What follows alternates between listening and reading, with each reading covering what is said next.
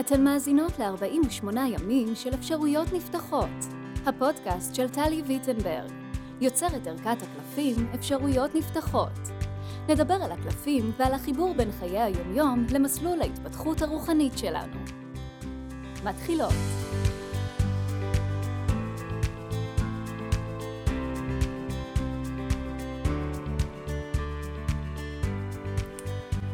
היי וברוכות הבאות לעוד פרק בפודקאסט 48 ימים של אפשרויות נפתחות. אני טלי ויטנברג, אני היוצרת של הקלפים, והתפקיד שלי כאן היום זה לדבר איתכן ולהיכנס לעומק עומקו של כל קלף, כאשר בעצם כל קלף מייצג איזושהי מהות בתוכנו ואיזושהי מהות בהתפתחות הרוחנית שלנו. ופה אנחנו נפגשות כדי להרחיב את זה ולהעמיק את זה בתוכנו. ואני מקווה שאני פוגשת אתכן בדיוק, בדיוק, בדיוק ברגע שבו אתן צריכות את זה. זו ההזדמנות שלי להגיד לכן תודה רבה רבה על כל התגובות. תודה שאתן מחכות לפרקים חדשים. תודה שאתן משתפות את הפודקאסט הזה, ותודה שאתן איתי. הקלף שנעסוק בו היום הוא קלף הילדה הפנימית. לקח לי הרבה הרבה זמן להקליט אותו, כי... טוב, אני אספר לכם עוד מעט למה. חיכיתי לאיזושהי הערה שהגיעה בצורה ההפוכה ממה שקיוויתי שהיא תגיע, שאגב, זו דרכן של הערות, הן בדרך כלל מגיעות בצורה ממש הפוכה מהדרך שקיווינו להם או דמיינו אותן, אותן או מהתבנית שלהן שהייתה לנו בראש. נתחיל כרגיל בלהקריא את הטקסט. אני רוצה לציין שהפודקאסט הזה הוקלט ומוקלט עבור מי שיש להם את קלפי אפשרויות נפתחות וככה מוציאות קלף ורוצות להרחיב עליו את הדעה. אבל כמובן שגם מי שאין להם את קלפי אפשרויות נפתחות, זאת הזדמנות ממש ממש מעולה להיכנס ככה לעומקם של דברים, ואני שמחה מאוד שכולכן, כולכן איתי כאן. קלף מספר 26, הילדה הפנימית. כה תמימה, מתוקה, מקווה, מצפה, נרגשת, נסערת, שמחה, עצובה, דעתנית או חוששת. הילדה הפנימית מכילה בתוכה את סך כל האנרגיות שלנו במלואן, עוד לפני שבוסתו חברתית. חלקן ווסתו כדי לחזק אותנו, חלקן כדי להגן עלינו. חלקן קובו לחלוטין. חלקן הושתקו בעדינות, חלקן נרמסו בגסות. וגם אם לא שמנו לב, הילדה הפנימית חיה בתוכנו כל השנים הללו, מנסה להשמיע את קולה. לרוב משתמשת בהסוואות כמו עקרונות, דרמות רגשיות או מחלות פיזיות. אפשר להקשיב לה ואפשר להתעלם ממנה עד שתאמר נואש. במה תבחרי? קלף זה קורא לך באהבה רבה להקשיב לילדה הפנימית שלך. הקשבה אמיתית, מכילה. פשוט שאלי אותה, מה היא באמת רוצה? הקשיבי היטב עד שהיא תענה, אולי לא תענה מיד. האם תסכימי להכיר ברצונותיה? לתת להם את המקום שלהם במרחב? לראות כיצד היא מנסה לעזור לנשמה שלך במלוא עוצמתה? הסכימי, הסכימי, הסכימי. אני רוצה לומר לכן שהילדה הפנימית זה מין ביטוי כזה מאוד שגור, אבל אני לא בטוחה עד כמה אנחנו מספיק מעמיקות כדי להבין באמת מה הוא אומר לנו ומה הוא אומר עלינו ומה הוא יכול לתת לנו. וזה חלק ממה שנעשה היום. אנחנו אה, נוציא את הרוח מהביטוי הזה, את הרוח, הכוונה רוח וצלצולים מהביטוי הזה ונבין אותו באמת באמת באמת. אה, לפני שניכנס להסביר את הטקסט ועוד את כל ההרחבות שמחכות לנו, אני רוצה שנסתכל על האיור, ובתוך האיור נסתכל דווקא על הילדה הפנימית. כפי שסיפרתי לכם בפרק, בפרקים הקודמים, אה, המאיירת של הקלפים, אמבלה אסתר, פשוט קיבלה את הטקסטים כפי שהם ואירה לפי הבנתה. זאת אומרת, אני לא ביקשתי ממנה איך לאייר, לא נתתי לה, נתתי לה אפס הנחיות וגם היו לי עבורה אפס תיקונים, ובכך אני מרגישה שהאינטרפטציה שלה נתנה חוויה הרבה יותר כוללת למסר של הקלף. וכך גם בקלף הזה. בעצם אנחנו רואות את הילדה הפנימית ממש בתוך הלב של מי שמייצגת אותנו. היא ממש ממש ממש בתוך הלב, ויש לה שם מקום, יש לה שם הרבה מקום. ומשהו בקריאה שלה, משהו בידיים המושטות ובמבט המאמין והמקווה והסומך סומך ובוטח, שככה משיט אלינו, מושיט אלינו ידיים, הוא ממש ממש כמו ילד שבוטח במבוגר שאחראי עליו ואומר לו, קח אותי, קח אותי. אנחנו יודעות בתור מבוגרים שלפעמים יש לנו כוח לקחת ולפעמים אין לנו כוח לקחת. וזה עוד לפני שדיברנו על הכוח שיש לנו או אין לנו להקשיב לילדה הפנימית שלנו, אבל יש משהו בילדים שכל כך סומך וכל כך בוטח אה, עד, ש, עד שמוכח להם אחרת, כן? ואני חושבת שביור רואים כמה הילדה הפנימית שלנו ממש, ממש משוועת לחיבוק הזה שלנו ולמקום הזה שאנחנו נותנות לה. כאשר היא זה בעצם אנחנו, ולזה תכף נגיע. בחלק הראשון של הטקסט, שאנחנו מדברות על התמימות והמתיקות וכמה היא מקווה ומצפה ונרגשת ונסערת, אנחנו מדברות על איזשהו סך רגשות אנושי, מאוד מאוד קשת רגשית כזאת של, של רגשות בלתי מבוסתים ובלתי מנוטרלים, ורגשות שאף אחד לא אמר להם איך הם צריכים להתנהג. אין פה מתינות ואין פה בגרות ואין פה אחריות ואין פה אורך רוח ואין פה סבלנות ואין פה נדיבות ואין פה פשוט רגשות מאוד מאוד מאוד אורגניים. והרגשות האלה של הילדה הפנימית שבתוכנו הם כולם רגשות שהתקיימו בתוכנו וווסתו. מה זאת אומרת ווסתו? זאת אומרת הותאמו אנחנו ומי שהיה סביבנו והסטנו אותם כך כדי שנתאים לחברה. זה בסדר גמור, אני לא הייתי רוצה, אה, נניח אני מלצרית במסעדה, ואגב, כאורחים במסעדות אנחנו מאוד הולכים למקום הילדי שלנו, אבל נשאר רגע ברעיון. לא הייתי רוצה במסעדה שאם אני מביאה, אם אני ממלצרת ואני מגישה קפה קצת קר למישהי, שהיא תעשה לי טנטרום של גיל שלוש ותגיד, אוף, נמאס לי, כל היום חיכיתי לקפה הזה וזה לא פייר ולמה זה, וכל פעם שאני באה, לא, הייתי רוצה שהיא תגיד לי, אה, שהיא תווסת את עצמה ותגיד לי, אמ, אה, סליחה, אפשר בבקשה להכין לי קפה חדש, הקפה הזה לא מספיק חם, אפשר לחמם לי את הקפה, הקפה הזה לא מספיק חם. זאת התנהגות מבוסתת. כך שהוויסות הזה הוא, הוא בריא והוא תקין כי אנחנו לא חיים לבד ואנחנו לא לעד נשארים הילד בן שלוש החמוד ש, של, של כל המשפחה שלו. הוויסות הזה הוא בריא והוא חלק מהחיים. השאלה, מה איבדנו בדרך? איזה פספוס או איזה, איזה חלקים שמתוך הוויסות הזה, אל, אילו חלקים חיים בתוכנו, שיש בהם חיות, קיבינו. אני עוצרת רגע כדי להסביר מה זה בכלל הילדה הפנימית, לפני שנמשיך בטקסט. הילדה הפנימית זה לא איזושהי ישות חיצונית לנו. בסופו של דבר, נניח, תחשבי על עצמך, את היית בת שלוש. וכשהיית בת שלוש והסתכלת בראי, ראית משהו, ראית מישהי.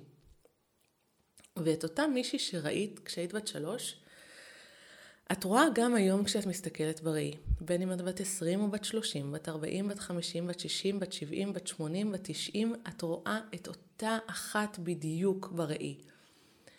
הילדה הפנימית היא בעצם הילדה שאת היית, ולמעשה היא לא הלכה לשום מקום. הילדה הפנימית שלנו לא הלכה לשום מקום. יש לנו איזושהי תחושה שהיא הלכה. בתוך האבולוציה ההתבגרותית שעשינו, יש לנו איזושהי תחושה ששמנו אותה בצד ואנחנו נכנסנו. אבל זה, זה ממש ממש לא נכון, זה כמו ש... זאת אומרת, זה כמו שפרח...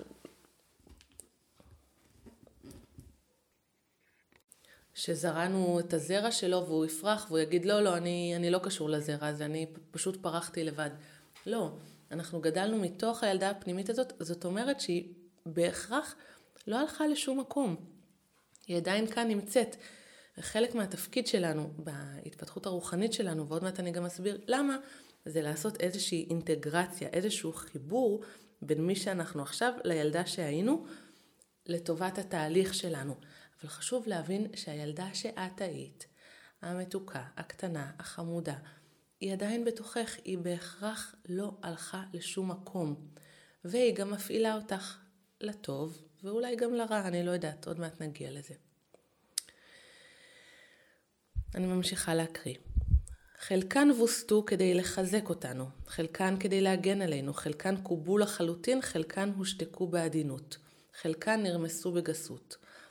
זאת הנקודה שלך לשאול את עצמך איזה מהאיכויות הילדיות שלך ווסתו בצורה שעזרו לך להיות בן אדם מתפקד בחברה, ואילו מהן קובו או בוטלו בצורה שחיבתה חלקים שלך, חלקים של המהות שלך, חלקים שהם לא רק של הילדה שהיית, אלא של המהות שהיית ושל המהות שהגעת בעולם, שהגעת איתה לעולם.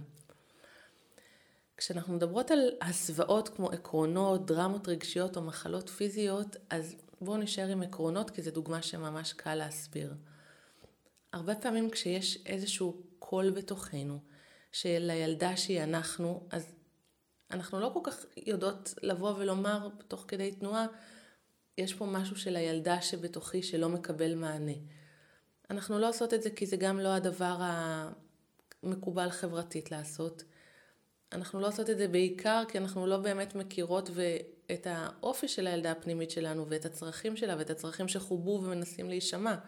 אנחנו פשוט לא מכירות את זה. אז הרבה פעמים יהיה לנו קל יותר לבוא לידי ביטוי בתור הגרסה המבוגרת של עצמנו ולהציג, לעמוד על איזשהו עיקרון. עכשיו, גם ילדים עומדים על עקרונות, פשוט הם עומדים עליהם בדרכים מאוד סוערות. אז אנחנו בתור מבוגרות, אם יש איזשהו משהו שהילדה הפנימית לא מקבלת מענה והיא צועקת בתוכנו, אנחנו הרבה פעמים לא יודעות אפילו להקשיב לה ואנחנו חושבות שיש איזשהו עיקרון שמאוד מאוד חשוב לנו לעמוד עליו. נגיד, אני אתן דוגמה שזה יהיה קצת יותר ברור. נגיד הילדה הפנימית שלי אה, נושאת חוויות של אה, דחייה חברתית. ואז, אה, ואז אני חווה איזושהי חוויית פגיעה מחברה, אוקיי? אז הרבה פעמים יהיה לי קשה לראות בעצמי שאני חווה בדיוק את אותה חוויה שהילדה שבתוכי חוותה ומשהו שם כאילו הסירנות מתחילות לפעול. אז יהיה לי הרבה יותר קל ללכת לעקרונות ולהגיד, ללכת להגיד, אה, בשבילי חברות זה אומר שאחד, שתיים, שלוש. בשבילי חברה טובה זה מישהי שאם אני צריכה אותה, היא מיד תתייצב שם. בשבילי חברה טובה זה כך וכך. ואז אנחנו לוקחות בעצם עקרונות שהם יכולים להיות אחלה עקרונות, כן? אבל אנחנו משתמשות בהן כדי לא לחוש את הכאב של הילדה הפנימית בתוכנו. תעצרו רגע לחשוב על איזשהו עיקרון שאתן מאוד מאוד מחזיקות באחת ממערכות היחסים שלכן, או בעבודה שלכן, או ביחסים שלכן עם עצמכן, או ביחסים שלכן עם הגוף שלכן. איזשהו עיקרון כזה ש, שזה ידוע ש, שלך יש את העיקרון הזה ואת עומדת עליו. ו, ותשאלו את עצמכן איזה קול של הילדה הפנימית העיקרון הזה בא לבטא. איזה קול של הילדה הפנימית שהושתק, איזה צורך רגשי של הילדה הפנימית שלא קיבל מענה. העיקרון הזה המאוד נוקשה ובוגר ומנומק של היום בא להגן עליו. הקלף אומר לנו שיש לנו שתי אפשרויות. אנחנו יכולות להקשיב לילדה הפנימית ואנחנו יכולות להתעלם ממנה עד שתאמר נואש. במה תבחרי. אני רוצה לומר שעל אף שזה נשמע, יש אפילו משהו פטרוני או משהו בניסוח שאומר, כאילו הניסוח אומר לנו, ברור שאנחנו חייבות להקשיב לילדה הפנימית ו- וגם אנחנו עכשיו בתוך הפרק, אבל אני רוצה רגע להיכנס ולהתערב כאן ולהגיד, לא בהכרח, לא תמיד ולבחירתך.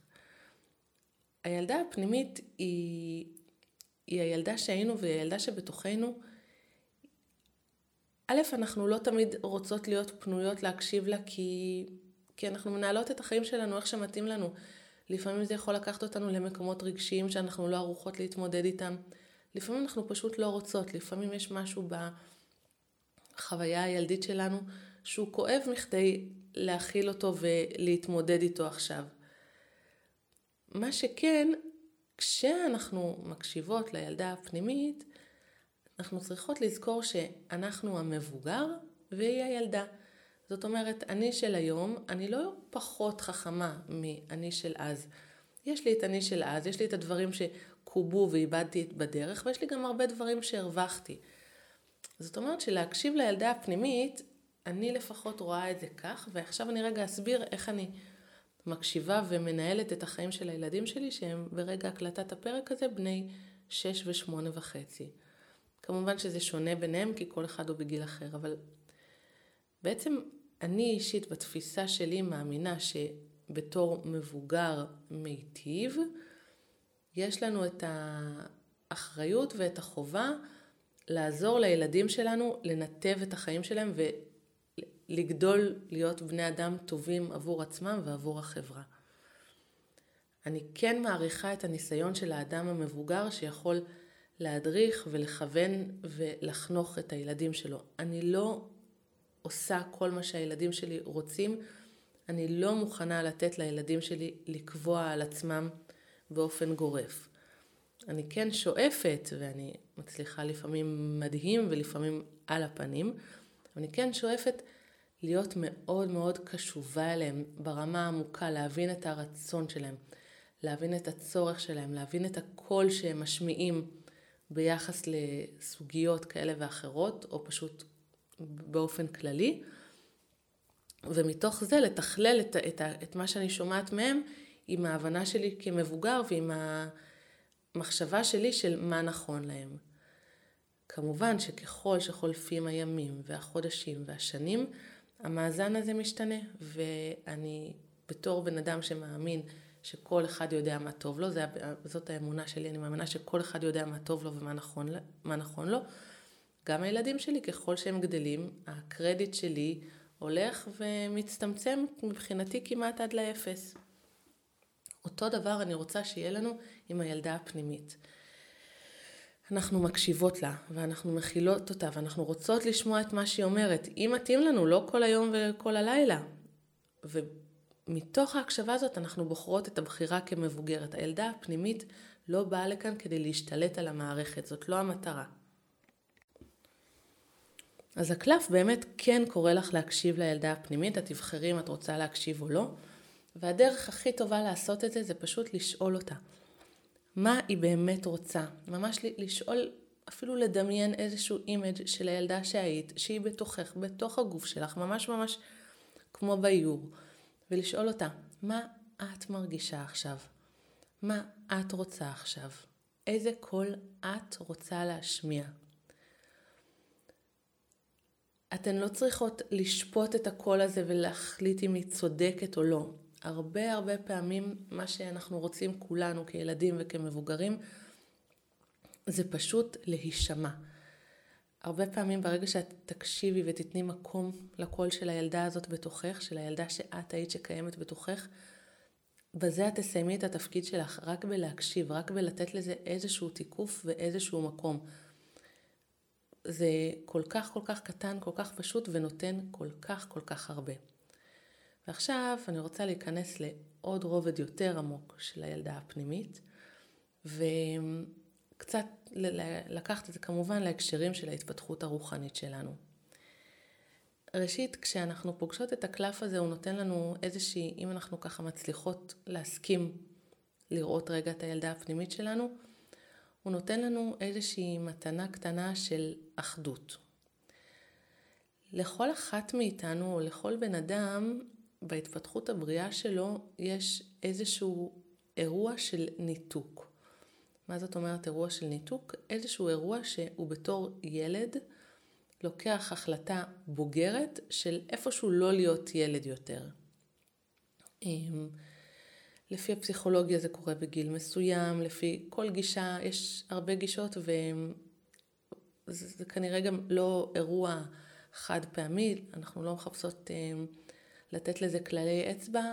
אה, אני מכירה אנשים שזה היה אצלם בגיל 6, אצלי אישית דווקא זה, אני זוכרת את זה בגיל 12 ואני תכף אספר, אבל זה איזשהו אירוע שאנחנו מחליטים לאסוף את עצמנו, מה שנקרא לאסוף את ה...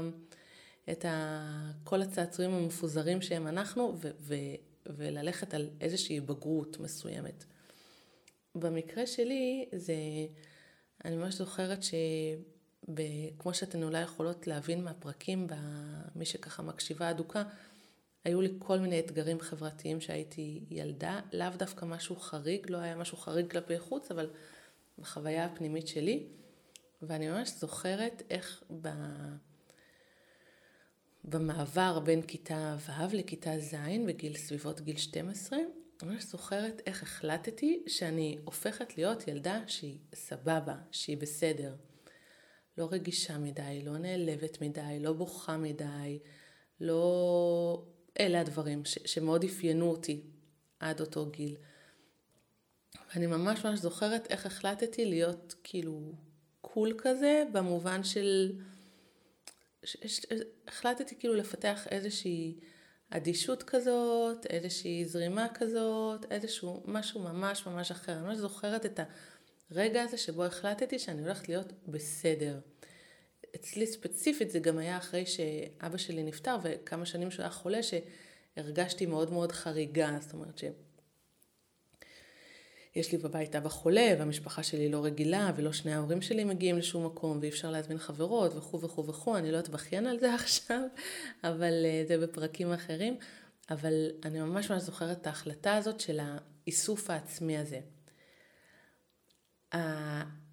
אירוע ניתוק הזה, שאני מקווה שתוך כדי שאני סיפרתי על עצמי אתן נזכרתן בלפחות אחד שלכם, אירוע הניתוק הזה זה הרבה פעמים מול ההורים. איזושהי החלטה, איזושהי הבנה שלנו על משהו על ההורים שלנו שלא הבנו קודם, הבנה על עצמנו, הבנה על העולם. ואירוע הניתוק הזה בעצם הוא האירוע אולי הכי דרמטי שבו אנחנו מכבות משהו לעצמנו. זאת אומרת, אנחנו משתיקות בתוכנו איזשהו קול שמאוד מאוד אפיין אותנו ואנחנו מחליטות שלא עוד. והאירוע הזה בא ועוזר לנו, הוא אירוע מאוד מאוד הישרדותי, הוא עוזר לנו לצמוח בעולם ולגדול בעולם. אני לא שופטת אותו ואני לא שופטת אותנו על הניתוק הזה שבחרנו בו. אבל כן, יש לנו את הזכות היום לבוא ו... ולרכך את האזור הזה, ולרכך את האזור של הניתוק הזה, ולגשת אל עצמנו, אל הילדה שהיינו אז, ולדבר איתה על הניתוק הזה, ול... ו... ואפילו לשבח אותה על זה שהיא הצליחה ככה לגדול ולבנות בעצמה משהו שהיא רצתה, ולשאול אותה האם יש קולות שהיא כן רוצה להשמיע. זאת אומרת, הרגע הניתוק הזה הוא גם בהרבה מובנים הנקודה שבה אנחנו יכולות להתחבר לעצמנו מחדש. בעבר, ואני בטוחה שזה גם יחזור, הייתי מעבירה סדנאות שענו לשם הילדה הפנימית מורה רוחנית. ואני רוצה לספר לכם עכשיו על, ה... על המורה הרוחנית שהילדה הפנימית שלנו מהווה עבורנו. כדי להסביר את זה, אני אעשה ממש אה, הסבר קטנצ'יק של מה זה שיעור רוחני. מי שלא מכירה את ההסבר של שיעור רוחני יכולה לכתוב לי הודעה באחת מהמדיות, אינסטגרם, פייסבוק וכדומה, ואני אפנה אותה למקומות בהם זה מוסבר כמו שצריך, ויכולה כמובן לעשות את הקורס איך משלימים שיעור רוחני. אבל בעצם שיעור רוחני זאת איזושהי חוויה זאת איזושהי מהות שהנשמה שלנו מבקשת ללמוד בעולם הזה, דרכנו, דרך האני הפיזי שלנו. והשיעור הרוחני, בדרך כלל אנשים חושבים ששיעור רוחני זה מה שקרה לי, זאת אומרת נגיד, אה, לא יודעת מה, אה, נפרדתי מחבר, קיבלתי מסר, שיעור רוחני זה לא משהו שקורה מבחוץ, אוקיי?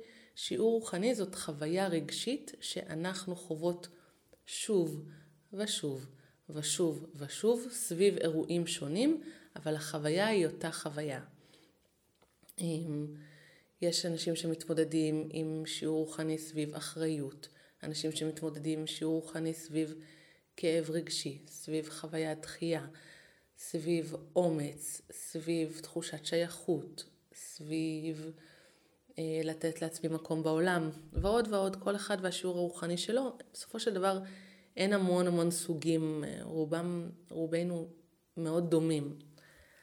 אבל השיעור הרוחני, כאמור, זאת, אם, אם את רגע עכשיו חושבת על החיים שלך, אז תיזכרי בשתי סיטואציות שמאוד מאוד הפריעו לך בזמן האחרון, ואם את תרדי רגע לשורש הרגשי של שתיהן, את תראי שהוא אותו שורש, שורש רגשי, וזה בגדול, אני עכשיו אומרת בשלושה משפטים משהו שאני מלמדת בקורס שלם, כן, אבל זה בגדול השורש של השיעור הרוחני שלך. אותה חוויה רגשית שהיא מאוד מאוד דומה, על אף שהאירועים מאוד שונים.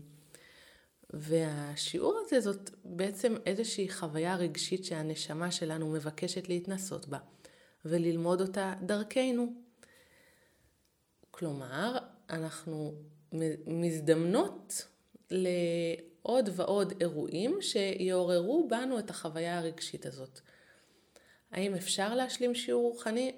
אין הבטחות, אבל בגדול כן. זאת אומרת, הבקשה של הנשמה שלנו היא לחוות את השיעור, את, ה, את החוויה הרגשית הזאת באופן מלא.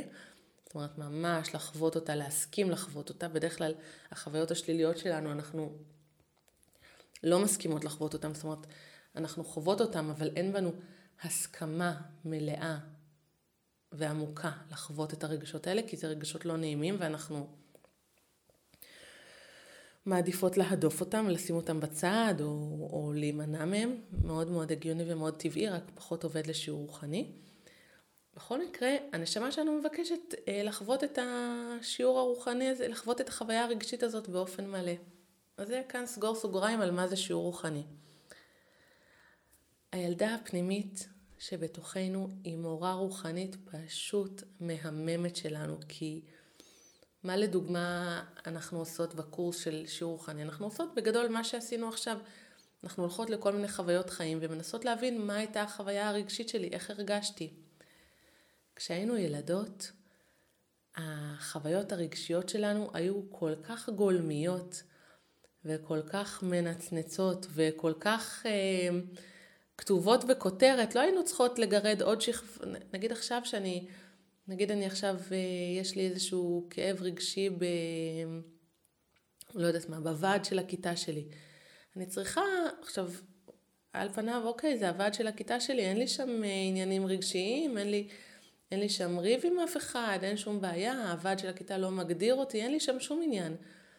אם עולה לי שם איזושהי חוויה רגשית, אני צריכה לקלף הרבה שכבות של, אה, של לא אכפת לי, ושל הכל בסדר, ושאני לא במקום הזה, כדי להבין מה אני מרגישה. אני ממש צריכה לחפור כדי להבין מה, מה החוויה הרגשית ש, שמתעוררת לי שם, ואיזה שיעור רוחני שלי אולי מבקש, מקבל עוד הזדמנות לריפוי. אבל כשהיינו ילדות, שום בעיה. החוויות הרגשיות שלנו היו כל כך, כל כך זועקות וכל כך ברורות, ודיברנו אותן, וצעקנו אותן, וחשנו אותן במלוא עוצמתם, באופן שהוא ממש מתנה לכל מי שמתעניינת בשיעור הרוחני שלה. ואני רגע מתרגמת את עצמי. כשאתן רוצות לדעת מה השיעור הרוחני שלכם, כלומר, איזה חוויה רגשית עדיין לא השלמתם, ואי לכך ובהתאם לזאת היא חוזרת שוב ושוב ושוב, זה המאפיין של שיעור רוחני, חוזר שוב ושוב ושוב עד שנסכים לחוות אותו באופן מלא. אם מעניין אתכן מה השיעור הרוחני שלכם ואתן מוכנות לשחרר את התפיסה שיש לכם שיעור רוחני עם כסף, או שיעור רוחני עם גברים, או שיעור רוחני עם סמכות, ואתן מוכנות להכיר בזה שזה איזושהי חוויה רגשית אצלכן שחוזרת שוב ושוב ושוב ושוב, אין בעיה. לכו לאיזשהו אירוע שאתן חוות עכשיו, שחוויתן עכשיו, אירוע שמפעיל אתכן. תבדקו עם עצמכן מה באמת הרגשתן, ורוצו למורה הרוחנית שהיא ילדה הפנימית. תבדקו אם הרגש הזה היה אצלה שם. ואני אגלה לכם את הסוף. אתם תמצאו אותו ואתם תמצאו אותו שם כל כך כל כך ברור. כך שהילדה הפנימית היא מורה רוחנית מדהימה שלנו, כי היא מראה לנו את השיעור הרוחני שלנו כפשוטו. ולא רק שהיא מראה לנו את השיעור הרוחני שלנו כפשוטו, היא גם מראה לנו את הדרך שעברנו איתו. היא מראה לנו את ה...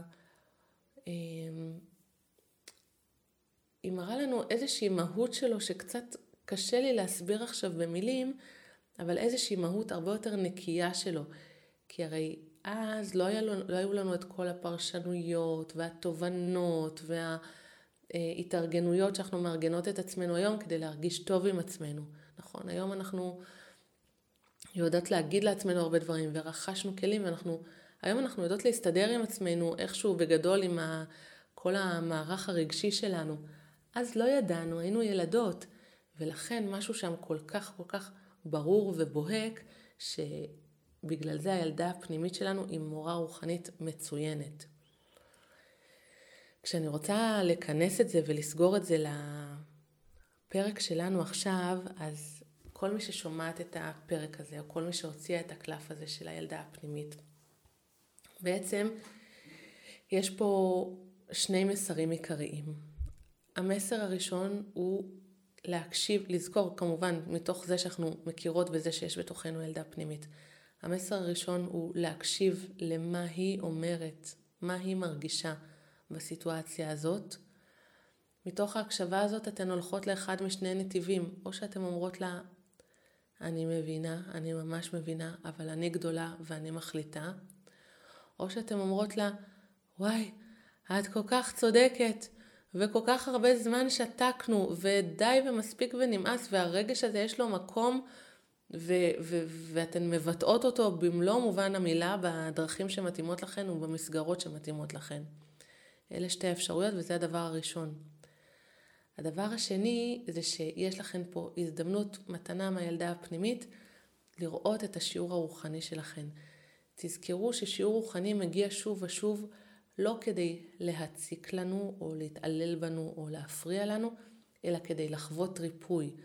וכדי לחוות ריפוי בשיעור הרוחני שלנו, אנחנו צריכות ממש להסכים לחוות את הרגש הזה לעומקו. תוכלו לקרוא על זה עוד בעמוד של הקורס איך משלימים שיעור רוחני, וכמובן אם זה מעניין אתכם תוכלו לעשות את הקורס בעצמכם, ואני מקווה לעשות התקדמות משמעותית עם השיעור הרוחני שלכם. עד כאן לפרק על הילדה הפנימית. אה, אני אספר לכם לסיום שאמרתי שבתחילת הפרק שלקח לי הרבה זמן להקליט אותו. ב...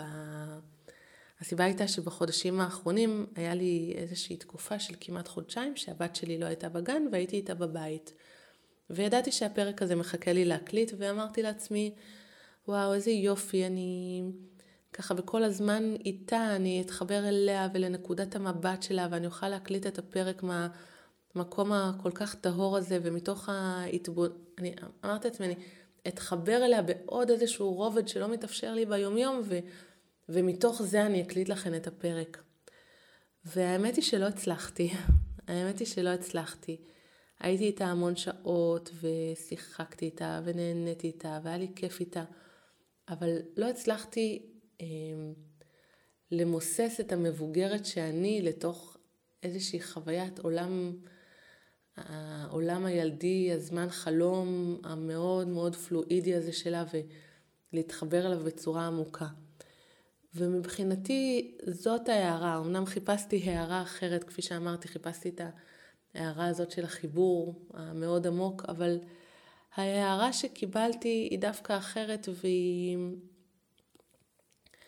ההבנה של עד כמה, ראיתי עד כמה קשה לי להתחבר באופן מלא לעולם של הילדה שלי שהיא איתי ואני מחבקת אותה ואני מנשקת אותה ואני משחקת איתה ואני... ועדיין משהו בי, החלק המבוגר שבי יודע מה אני צריכה לעשות וחושב מתי אני אלך לשתות קפה בשקט ו... ואין לו את הכוח המלא להכיל את כל הקשת רגשות הזאת. ומה שהבנתי מזה זה קודם כל, עד כמה לא פשוט לנו להתחבר גם לילדה הפנימית שהיינו באופן דומה. וגם הבנתי איפשהו את המקום שבו עולם המבוגרים בעצם אה, מכבה את עולם הילדות, שעל פניו, זאת אומרת שאני כביכול או לא כביכול מכבה את עולם הילדות שלה, שעל פניו זה לא מה שאנחנו רוצות, אנחנו, אני לפחות, זה לא מה שהייתי רוצה, הייתי רוצה להיות איתה בעולם הילדות כפי שהבנתן בדקות האחרונות. אבל כשאני מתבוננת על זה ממקום יותר גבוה, אז אני רואה שיש בזה משהו, יש בזה איזשהו משהו שלם. זאת אומרת, יש משהו שלם בבדידות הזאת של הילד שהוא בתוך עולמו ובסופו של דבר הוא לא מאה אחוז מובן על ידי המבוגר. יש משהו בבדידות הזאת שהוא איזשהו גיבוש זהות, ו... וזה בסדר, זאת אומרת, כל עוד הכוונות שלנו טובות, ואני יודעת שהכוונות שלי טובות, אז כן, אז אני לא, אני לא עם הילדה שלי במאה אחוז, אבל, אבל היא, היא בונה לעצמה את היחסים עם העולם. אני לא מתווכת לה את העולם במאה אחוז, אני מתווכת, אני עוטפת אותה כמה שאני יכולה, אבל גם ברגעים בהם אני לא נוכחת, היא בונה לעצמה את היחסים שלה עם העולם, ואני מקווה שברגעים שאני כן נוכחת, אני נותנת לה כמה שיותר כלים טובים לזה. אבל בהקשר שלנו, היא בונה לעצמה את היחסים עם העולם, וכמה טוב ואיזו זכות ענקית יש לנו עכשיו שאנחנו מתעסקות בזה, ולי יש זכות ענקית עכשיו להקליט לכן את זה ו, ולדבר איתכן על זה, ולכן יש זכות ענקית לזה שאתן יכולות להתעסק בזה עם עצמכן, שיש לכם את הפנאי, שאתן לא עכשיו, אני לא יודעת, קורות פחם באיזשהו מכרה, ושיש לכן זמן להקשיב לפרק הזה, ושיש לכן קורת גג מעל הראש שלכן, ושיש לכן את ה... יותר מכל אלה שאמרתי, את ההבנה הזאת ואת המקום הזה שמחובר להתפתחות הרוחנית שלכן. זאת מתנה כל כך כל כך גדולה שאני לא יודעת, אני חושבת שלרוב האנשים, האנשים אין אותה, אז, אז זהו, אז עם כל הכאב שבוויסות ובכיבוי ובכל הדברים שחיווינו בעצמנו, איזה מדהים זה שאנחנו יכולות עכשיו להיפגש ברגע הזה ולהתחבר למקום הזה מחדש. אני חושבת שזאת ממש ממש מתנה, ואני, בגלל שאתם לא עונות לי כרגע שאני מדברת, אני רק אקווה שתסכימו איתי. עד כאן לפרק על הילדה הפנימית שלכן ושלי וכל הילדות הפנימיות שמסתובבות בתוך כל המבוגרים שאנחנו, הילדות והילדים הפנימיים שמסתובבות בתוך כל המבוגרים שאנחנו נמצאים איתם בקשר, איתם בקשר. אני מאוד מקווה שאהבתן את הפרק הזה ושנתרמתן ממנו. אם כן, אני כל כך אשמח לשמוע. אמ, אתן יכולות לכתוב לי בפייסבוק, באינסטגרם, אה, במייל דרך האתר של אפשרויות נפתחות. אני אשמח אם תעבירו את הפרק הזה לחברה שצריכה לשמוע, או שתפרסמו אותו ברשתות החברתיות, או בכל מקום שנראה לכן. זה ישמח אותי מאוד, ואני אשמח אם הוא יוכל לעזור לעוד אנשים. לעוד אנשים. מי שיש לה את קלפי אפשרויות נפתחות כבר מכירה את מה שקלף מדויק ברגע המדויק עושה. מי שעדיין אין לה ומתחברת לתוכן הזה יכולה לחפש אפשרויות נפתחות בגוגל, להיכנס לאתר של אפשרויות נפתחות או לחנויות הספרים, וכמובן להתחבר לעצמה דרך הקלפים של אפשרויות נפתחות. אני מאחלת לכם איתם הרבה הרבה רגעים של אהבה לעצמכם ושל הבנה את עצמכם. תודה רבה רבה שהייתן איתי. נתראה בפרק הבא. ביי ביי.